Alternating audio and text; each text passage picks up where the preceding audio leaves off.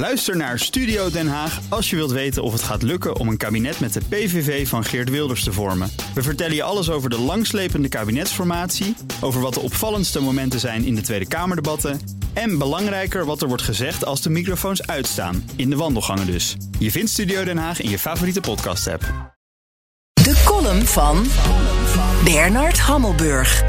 Opnieuw haalt het buitenland Nederland links en rechts in. En opnieuw beginnen we aan eenzelfde episode als een Groundhog Day.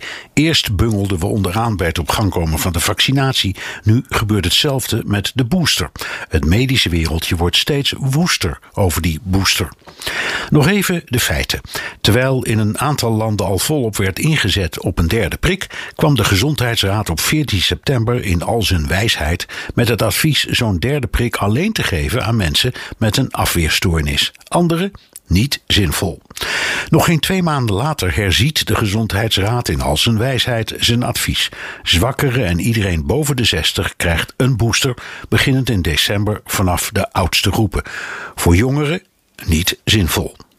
Zorgbestuurders trekken in nieuwsuur aan de bel. Die derde prik moet er komen en wel onmiddellijk. Het hoofd van de IC-afdeling van het Amsterdam AMC noemt het wachten op de boosterprik tegenover AT5 onbegrijpelijk.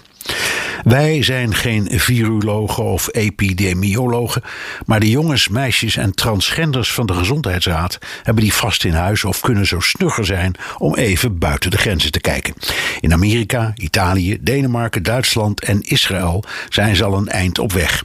Israël is het interessantste voorbeeld. Dat land begon als eerste met vaccineren, stuitte net als wij desondanks op een nieuwe golf en ging meteen in augustus al over tot het zetten van een derde prik. Overal zijn mensen die geen vaccin willen, dus ook daar. Maar de rest heeft die derde prik al lang gehad. En je ziet de besmettingen en ziekenhuisopnamen kelderen. Sterker nog, kerstvers Israëlisch onderzoek wijst uit dat die derde prik een maand of tien helpt. Met geluk iets langer. Hier ligt een uitdaging voor de stroperige combo Gezondheidsraad, RIVM, OMT, minister. Wees iedereen nou eens voor en begin nu alvast na te denken over de vierde prik. Misschien worden we ooit nog eens kampioen met een coronaformule. Formule C of zo.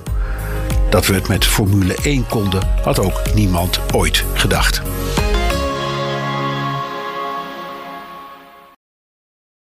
Ook Liesbeth Staats vind je in de BNR-app. Ja, heel handig. Luister live naar Kees en mij tijdens de Daily Move. Dan blijf je ook gelijk op de hoogte van breaking news en het laatste zakelijke nieuws. En daar vind je ook alle BNR-podcasts, waaronder de Perestrooikast. Download nu de gratis BNR-app en blijf scherp.